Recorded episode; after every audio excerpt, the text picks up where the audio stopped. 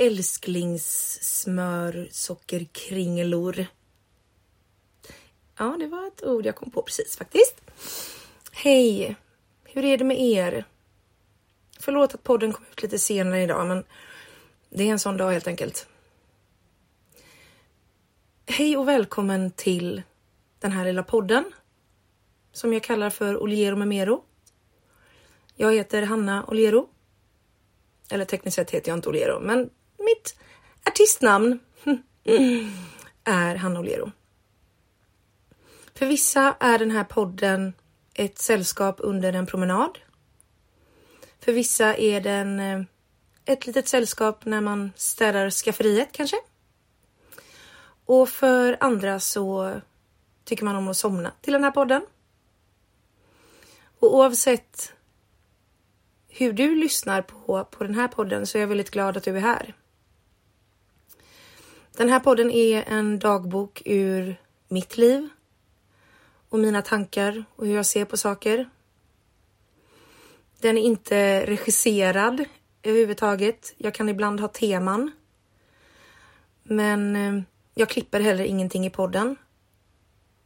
Främst för att jag inte vill att det ska bli en eh, liksom jobbig grej att kunna ta sig över för att podden alltid ska produceras och för att jag behöver jobba på mitt perfektionist tänk. Jag är alldeles för perfektionistisk när det kommer till mitt egna företagande kan man säga. Men hej, jag ska lägga mig lite till rätta. Jag sitter här och smuttar på en kopp koffeinfritt kaffe. Ah. Just idag... Uh. Jag måste sluta gubbstöna när jag flyttar mig. Just idag har jag väl ingen toppendag faktiskt. Ehm, jag kämpar ju på med ett mycket sömnproblem. Och testar lite olika sömnmedicin typ varje kväll för att se vad som funkar. Och i natt testade jag ett som heter Terralen som jag testat tidigare i droppform och man blir totalt däckad. Men jag har vaknat 450 gånger i natt, gått upp och ätit. Och ändå, alltså den här, den, liksom, jag blir bakfull Alltså den är fruktansvärd. Jag lovar mig själv att jag ska aldrig ta den igen. Den funkar inte för mig. Den kanske funkar för andra, men den funkar inte för mig. Och det som också är är att jag har en sömnmedicin som heter Imovan som jag får ta tre till fyra gånger i veckan. Och jag fick först ett 10 pack och sen så fick jag ett 100 pack. Och jag har hämtat ut det här 100 packet, men jag vet inte vad det är. Alltså jag har tappat bort burken. Och så skäms jag så himla mycket att säga det här till min läkare för då tänker jag att han kanske tänker att jag tar dem varje dag eller att jag typ har sålt dem på svarta marknaden. Jag vet inte. Jag bara skäms så mycket för det. Men jag pratade med min psykolog idag och det är också lite därför jag känner mig lite låg för det var ett väldigt starkt möte. Och hon sa att det är nog bra om du är ärlig med honom så kan han ju hjälpa dig. Så får han ta ställning om han vill skriva ut nya eller hur ni ska göra. Så ja, det är på min att göra-lista. Vad har hänt senaste veckan i mitt goa lilla liv? Ja, jag lever ju nu då ett väldigt tryggt och lugnt pensionärsliv med mina föräldrar. För att jag fortfarande bor, eller fortfarande, jag flyttade ju hem till, från Jönköping till Göteborg och bor nu i mitt gamla flickrum som ser ut som att det har varit inbrott och någon har sen exploderat. Någonting har exploderat i rummet. Rummet är så stökigt. Och det är också så att jag spillde, eller jag råkade göra sönder ett glas i helgen. Eh, vilket inte är alltför ovanligt för mig. Vilket gjorde att min syster till slut gav mig plastglas. um, och det här glaset råkade jag trampa på sen, eller en glasbit jag inte fick upp. Vilket gjorde att jag fick ett jack i min vänstra hålfot som har gjort rätt ont. Och sedan idag när jag gick upp så trampade jag på en förpackning, en väldigt hård förpackning som gjorde att jag rev upp min andra hålfot. Vilket gör nu att jag har två upprivna hålfötter som båda gör rätt ont och så har jag ett skoskav. Hmm. Inte toppen kanske. Men äh, ja, eh, senaste veckan, vad har jag gjort? Jag gör inte så mycket. Jag jobbar lite grann extra på, på lagret, på ett lager, ett klädlager. Som jag tycker, jag trivs väldigt bra där. Som ett extrajobb. Jag vill inte jobba där så mycket, men jag har jobbat några pass. Det hade varit perfekt typ om jag kunde jobba två pass per vecka. Um, sedan har jag haft en väldigt fin, fint möte med en tjej som kanske ska hjälpa mig med mina sociala medier. jag tycker det är jättesvårt att vara influencer. Jag tycker det är jättesvårt att strukturera upp mina dagar. Jag tycker det är svårt att söka om, om jobb och samarbeten. Men framförallt så tycker jag det är svårt att få ihop det. Och så är det med livet i allmänhet på något sätt. Det är svårt för mig att få ihop det. Och för er som har missat så har jag relativt nyligen fått en ADHD-diagnos och går nu på medicin för det. Igår var första dagen sedan jag började då jag inte tog min medicin. För jag hade ett samtal med min läkare där jag sa det att jag vet inte om jag känner att det kickar in eller kickar ut liksom. Och då sa han, men testa någon dag att inte ta medicin och se om det gör någon skillnad. Och jag tänkte att det typ inte gjorde någon skillnad i början på dagen. Sen var jag väldigt bakis också. Men det gjorde verkligen det. Alltså just det här som jag inser är min nog största svårighet med ADHD och det är just det här att komma igång. Men jag fann mig själv sitta en timme inne på toalettgolvet för att jag bara skulle duscha som är liksom sån basic sak. Men jag kom liksom inte dit. Jo, efter en timme då. Men att saker tar så mycket tid och så mycket energi som egentligen borde vara rutin typ. Visste ni att idag är Blue Monday? Vad är det nu tänker ni?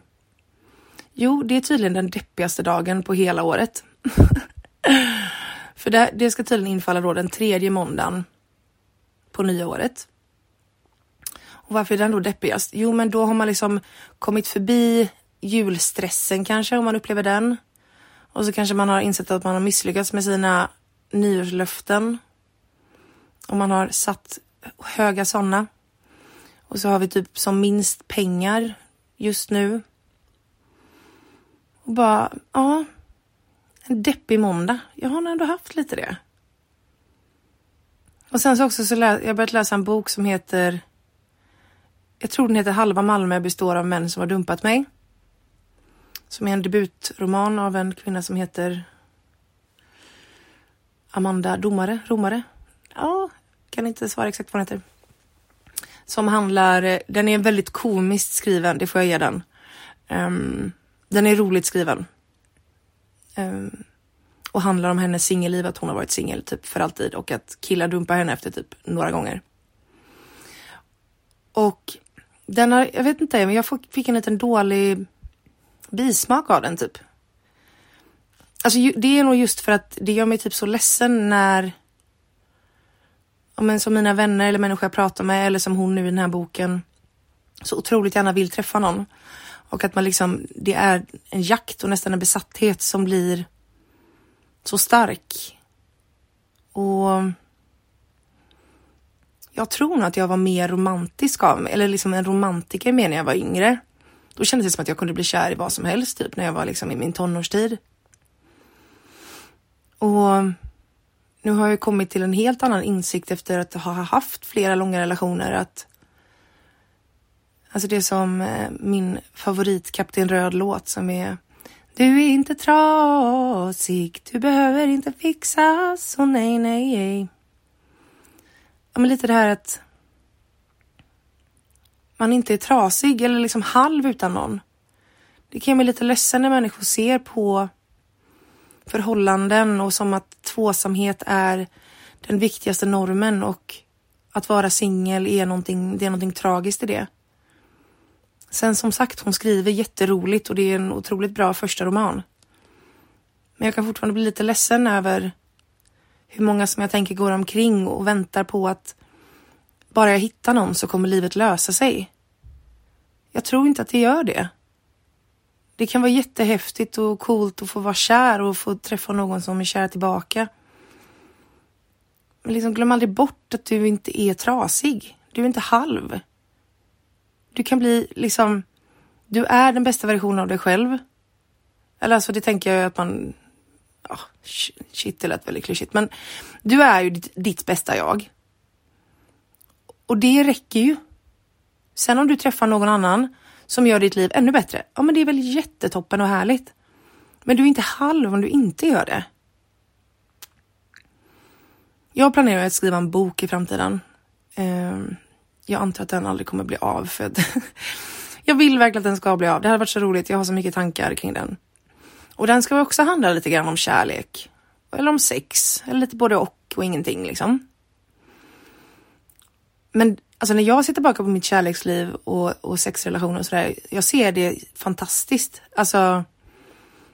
Jag har haft många fina både relationer och roliga och knasiga sexrelationer och händelser liksom. Men jag ser inte tillbaka på det med bitterhet. Jag frågade mina föräldrar häromdagen ifall om jag skriver om tidigare relationer kan jag dömas för förtal.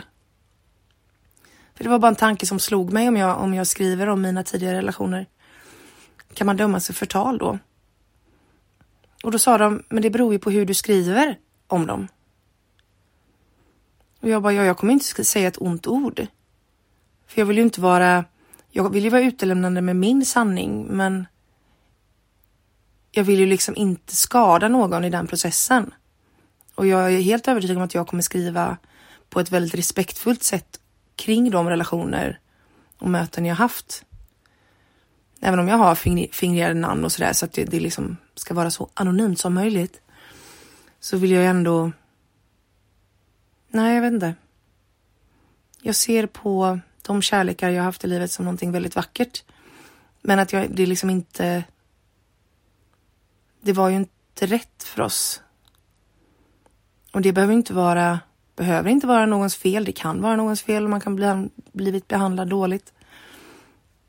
Men det kan också vara att det inte är, det inte är rätt på något sätt.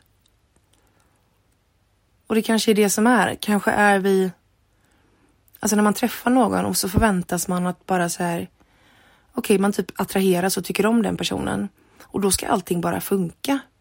Fastän det här är en person som har levt ett helt liv utan dig. Och har liksom sin syn på livet och sin syn på alla små olika vardagshändelser. Och så ska det liksom bara funka. jag kan ju se om jag, om jag tänker på min framtid i livet så kanske jag absolut blir kär igen och får uppleva kärlek. Men är verkligen målet att uppleva en livslång kärlek? Jag vet inte. Jag känner inte att det är någonting jag längtar efter. Jag kan liksom, om det är någonting jag längtar efter så, så kan det vara det här pirret av att någon tycker om en och man tycker om den personen. Men det är också någonting som för mig ofta blir så otroligt drunknande. Alltså jag försvinner och jag blir, åh oh, gud. Jag tycker ändå att jag är rätt bra på typ så här dating game. Men det är ofta för att jag inte är så intresserad och då är jag så mycket mer cool. Medan om det är någon jag är intresserad av, nej men jag blir inte bra. Men jag blir en sån som liksom hör av mig vad jag tycker är för mycket. Och liksom fattar inte, jag, vill, ja, jag blir knäpp typ. Så därför funkar det väldigt bra att, att få känslor rätt sällan. Det tycker jag är toppen.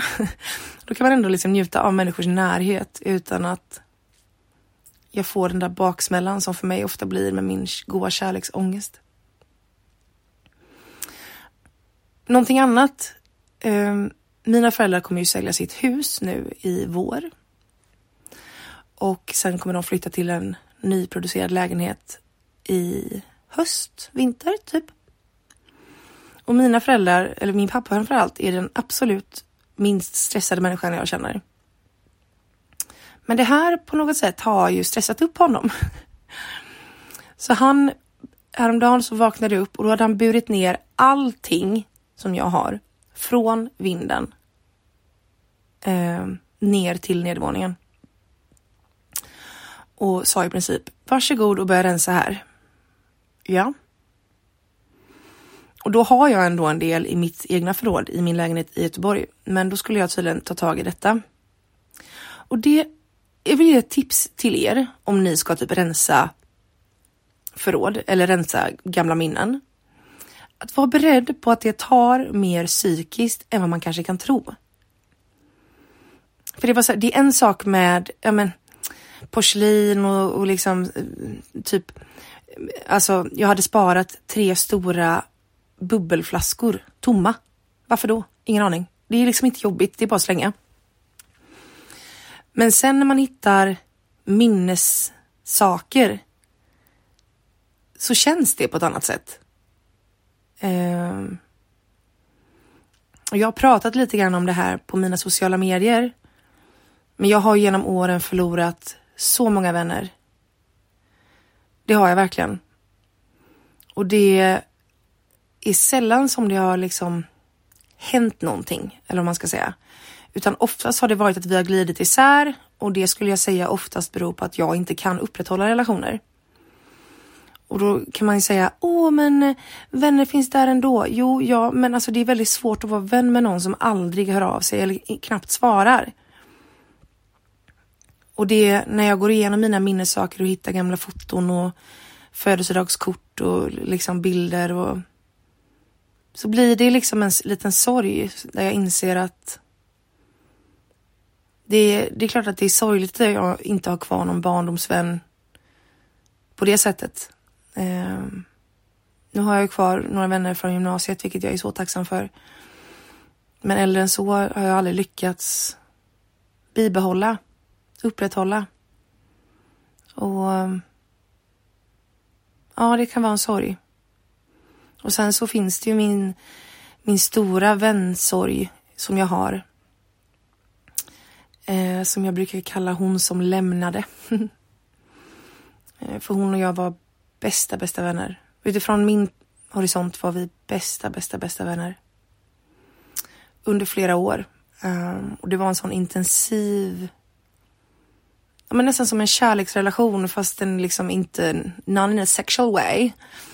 Ehm, jag såg upp till henne och beundrade henne så mycket. Hon gav så mycket. Och sen så bara ändrades allting en dag. Och hon vill inte längre vara min vän. Uh, Ehm, och först så ville hon ta en paus. Ehm, och jag förstod liksom ingenting, typ. Sen har jag för mig att det kom ett sms några månader senare där hon försökte förklara ja, hur hon upplevde det.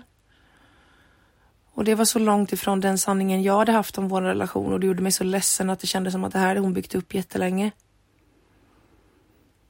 Och, och det som också gjorde mig så ledsen var att hon fick avsluta.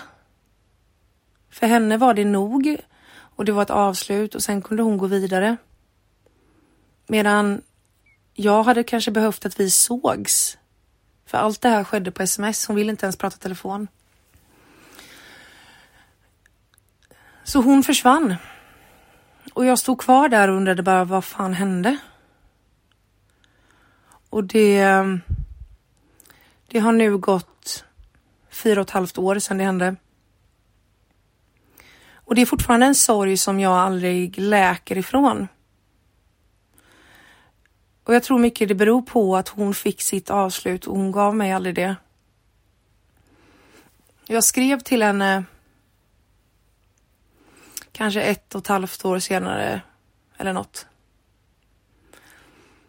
Och då var jag på en konsert där de spelade en låt som hon hade velat att jag skulle sjunga på hennes bröllop. Och då filmade jag den låten och så skickade jag den till henne och skrev, minns inte exakt vad jag skrev, men någonting som att att såret aldrig läker och om hon någonsin skulle vilja träffas igen så gör jag jättegärna det. För jag hade verkligen velat ha bara att hon sa vad det var jag gjorde fel typ. Och sen... Eh, jag tror egentligen inte hon hade tänkt att svara, men så råkade hon skicka en tumme upp. Så då tror jag att hon kände nog att hon inte hade något val. Och då skrev hon att hon var på en helt annan plats i livet. Och att hon hade gått vidare. Och att hon önskade att jag inte skulle kontakta henne igen. Och det får man ju respektera. Ehm, så jag har aldrig hört av mig igen. Men det är fortfarande ett sår. Och att då läsa de födelsedagskort eller liksom hon var duktig på presenter. Hon kunde ge så här små presenter bara för att. Och då att hitta de korten där det står liksom att ja, men det ska vara vi för alltid och ni vet fina saker. Det gör ont att läsa det. Det gjorde ont att läsa det. Och i och med att jag heller aldrig riktigt har kunnat helt gå vidare. Eller det har jag, det är inte så att jag tänker på henne jämt och ständigt och jag har massa andra fina vänner. Men det är just det här med att jag inte fick ett avslut och det gör att jag drömmer om henne. Kanske, ja men någon gång varannan månad typ. Och då drömmer jag liksom alltid att det på något sätt är det här springandet, om ni vet. Sådana här flyktiga drömmar där man liksom jagar någonting. Och då är det som att hon håller på att berätta vad det var. Um, eller på något sätt att jag kan förstå. Men sen så vaknar jag liksom alltid av att jag aldrig har fått svaren. Och jag hade några som skrev på min Instagram, jag skrev ut det här, att jag borde gå till ett medium eller liksom någon som kan hjälpa mig över och ja, det kanske jag borde. Jag må, som sagt, jag mår inte dåligt över det. Um, men det är också en sorg som inte läker och det får vara så. Jag är okej okay med det. Och jag kommer aldrig höra av mig till henne igen för att det vill hon inte. Men jag hade bara kunnat önska att hon hade velat, för min skull, även om det inte är för hennes skull, velat prata med mig face to face. Det hade känts fint. Men sen hittar jag också andra saker i min lilla minneslåda. Och bilder från vänner som jag var väldigt nära men som gled isär och ja, liksom bara, bara enkla anledningar att vi inte hördes, att jag var dålig på att svara och ja. Och sen idag då så träffade jag min lilla ADHD-psykolog, min lilla psykolog Ellen. Hon är så fin. Och nu påbörjar vi behandling. Innan har det varit tre stycken möten där vi har försökt kartlägga mina behov, typ vad jag behöver hjälp med. Och då gick vi igenom lite olika delar idag, vad det liksom vad det är för delar som jag behöver hjälp med. Och då kom vi fram till att det är mycket känslor. Att jag är känslostyrd. Mycket planeringsstruktur. Mycket relationer. Självkänsla i arbetslivet. Vilsenhet i allmänhet i livet. Och sömn. Och då pratade vi om relationer. Eller först kom vi in och pratade mycket om sömn, för sömn är typ mitt största problem just nu, att jag inte får ordning på det. Men vi pratade också om relationer. Och det var... Det har också hängt i mig väldigt mycket idag, för det var väldigt tungt. För vi pratade om, eller hon frågade liksom, vad är viktigt för dig i en relation? Vad är viktigt för dig? Um, och för mig så är det viktigaste att man är genuin och ärlig. Att ha en ärlig vänskap är så viktig. Och sen att man inte är dömande. Eh, för vi tog exemplet hur relationen till mina föräldrar är och att den är väldigt fin för att den är väldigt okonstlad liksom och väldigt enkel på något sätt och de aldrig tar mig för givet och jag tar aldrig dem för givet. Och sen att man är närvarande och det upplever jag också väldigt starkt i den relationen att eh, när någon pratar så lyssnar man på svaret och är intresserad. Och det är också väldigt viktigt i andra relationer. Och då så frågade hon eller vi, vi, vi, pratade, för jag sa att jag var väldigt låg, för det var jag, för att jag vaknade, jag sov ju så dåligt så att jag var helt groggy när vi skulle börja vårt samtal i förmiddags. Och då frågade jag henne, och hon sa, ja ah, men okej jag förstår det typ. Och så, prat, så tog vi upp det sen i slutet. Så sa jag det, märker du av att jag är låg idag? Och då sa hon, ja det gör jag. Jag, jag känner den energin att du inte är på topp. Och då sa jag det att det tycker jag är väldigt jobbigt. För jag upplever att min energi smittar av sig väldigt väl till min omgivning. Och det upplever jag som jobbigt för jag vill liksom inte tynga ner någon. Vilket jag kan känna att jag gör om jag till exempel har en väldigt dålig dag hemma. För mina föräldrar träffar ju mig. Och då frågade hon, men hur, hur blir du när du blir sån? Med dina vänner? Som du inte liksom, ja nu bor du med dina föräldrar men, men annars. Eh, visar du de sidorna? Och då sa jag att, ja men, jag skulle nog aldrig ljuga och säga att allt är toppen när det inte är toppen. Och då sa, då sa hon så här, hon bara, men du ställer in istället? Jag bara, ja, jag ställer in istället. För att för mig så... Och då så sa hon, det var en sån fin och fruktansvärd mening som var Genuinitet och ärlighet är så viktigt för dig. Men känner du att du bara kan vara genuin och ärlig när du är på topp? Och den meningen satte sig verkligen i mig. Att jag drar mig verkligen undan när jag inte mår så bra. Och så känner jag att jag är dålig som gör det. Och jag tror det hela grundar sig på något sätt i att att jag har gått runt i hela livet och tänkt att jag är för mycket. För jobbig och för högljudd och för störig. Och då försöker jag alltid överkompensera det genom att när jag träffar mina vänner fråga mycket frågor, vara väldigt trevlig, vara väldigt intresserad och vara en bra vän när man väl ses, även om jag inte då kanske är det när man inte ses. Och det gjorde på något sätt ont att jag vill inte visa mina vänner de låga sidorna. För jag tror att jag vet själv om en vän hör av sig och inte mår toppen. Man känner sig, jag upplever inte att jag känner mig tyngd när mina vänner mår dåligt. Snarare tvärtom, att det känns fint att de vill öppna upp sig för en, att de har det förtroendet. Medan jag vågar inte göra det för att jag är så rädd att tynga ner dem. Jag tror att det här kommer bli ett ämne som vi kommer prata en del om i mina framtida besök hos min lilla psykolog Ellen. Hon frågade mig, hur ofta vill du gå här? Eh, för många funkar en gång i veckan, men det beror lite på och sådär. Jag bara, eh, alltså hennes besök kostar 1200 kronor per gång. Tror hon att jag har råd att betala detta fyra gånger i månaden? Eh, nej. Jag bara, men varannan vecka blir jättebra. Hon bara, absolut. Mm. Tjena Marlena. Ja. Men man investerar ju för sin framtid. Så är det.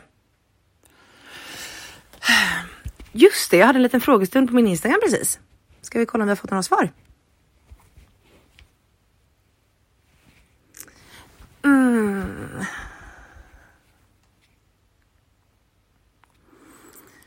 Okej, okay. jag, jag hade en frågestund precis på min Instagram där jag frågade vad ni har för fördomar om mig. Men då skrev jag också snälla skriva ut snälla saker. För jag minns jag hade en frågestund en gång som var exakt det här och den blev så grov. Alltså det var verkligen så här. Du mår egentligen skit och alltså det var så, jag minns inte. Det var jättemycket gulligt också, men det var verkligen så här. Jag bara, eh, jag borde inte frågat det här. så nu skrev jag ut en, eh, kan ni skriva det här som snäll, kan ni skriva snälla grejer? det är den som skriver här. Du går på toaletten med dörren öppen för att Maj ska ha möjlighet att komma in. 100% inte faktiskt. Jag är väldigt mycket för att stänga och låsa. Eh, jag försöker tänka, har jag varit det när jag bor själv också? Ja, men jag tror faktiskt det. Jag är nog mycket stänga dörren. Får hon stå där ute bäst hon vill. Eh, många, alltså jag vet inte om det är en fördom, men många tycker att jag verkar rolig. Det är ju kul. Det var också min eh, eh min lilla genväg till att bli omtyckt när jag var yngre. Att jag insåg att om man kan få människor att skratta så, och är väldigt intresserad av andra så är det lättare för dem att tycka om en. Eh, du fångar och släpper ut insekter som är inne. 100% inte. Jag är livrädd för... Alltså jag är livrädd för insekter. Och kryp och spindlar och skit. Nej. Eh, jag är nog en sån som dammsuger upp den. Hen. Och sen eh, så typ har jag på dammsugaren en timme för att jag vill inte att den ska överleva och skaffa barn och sen mm, liksom hämnas. Typ. Eh, du vill pensionera dig och skaffa två mopsar till. Stämmer alltid. 100 procent. Det är verkligen 100 procent sant. Jag skulle vilja pensionera mig idag och föda upp mopsar. Ehm, du blir alltid lite för full. Det stämmer nog också faktiskt. Nu har det blivit bättre sen jag eh, sen jag började min ADHD-medicin. Men jag var ju ute med två cybersystrar i lördags. Svinkul var det. Det var jättekul. Men jag blev ju full som en kastrull. Jag fattar inte exakt hur jag kom hem. Men hem kom jag. Och det är fördelen med att bara stänger klockan 23. Jag tog en taxi kvart i elva liksom. Toppen. En sista då. Jag har fått, jag har fått jättemånga här hittills. um, du har svårt att ta till dig att någon älskar dig. Den var också lite deep. Ja. Ja, det vet jag inte. Men jag har nog rätt svårt att ta till mig att eh, jag är en vän som duger. Det har jag nog svårt att ta till mig. Eh, så att min lilla vänskapliga självkänsla behövs nog jobbas lite på. Men det är det jag tänker. Tänk om den här podden håller på i flera år, så som min Instagram har gjort. Tänk om jag sitter här då om två år och bara haha, haha, minns ni när vi lyssnade på detta avsnittet? Och det var så här. Jag tänker att eh, den här podden är extremt mycket personlig utveckling för mig själv. Och just nu så, alltså även om dagsformen inte är toppen så mår jag ju rätt bra. Men jag bygger ju också upp mig själv väldigt, väldigt, väldigt, väldigt mycket. Alltså jag har väldigt mycket just eh, kring relationer, arbetsliv, vem jag är i livet. Så, så är det. oh, det känns alltid så bra när jag fått prata med er. Jag älskar att få göra det. Det känns... Det känns som en trygg plattform. Jag fick upp nu på Spotify eh, i veckan att den här podden låg på topp 50 av komiska poddar i Sverige under en vecka. Och det var jättehäftigt. Jag var jätte, jätteglad. Och jätteläskigt också. För jag vill liksom att det här ska kännas som en liten intim stund som vi har tillsammans. Och jag hoppas att den gör det. Kanske har du somnat nu och det får vara helt okej. Okay. Jag, jag hoppas att din vecka blir fin. Jag hoppas att du tar hand om dig. Är rädd om dig. Och så ses vi igen i nästa vecka. Och så hörs vi på Instagram om du vill det. Jag heter Hanna Olero där. Puss och kram nu. Hejdå!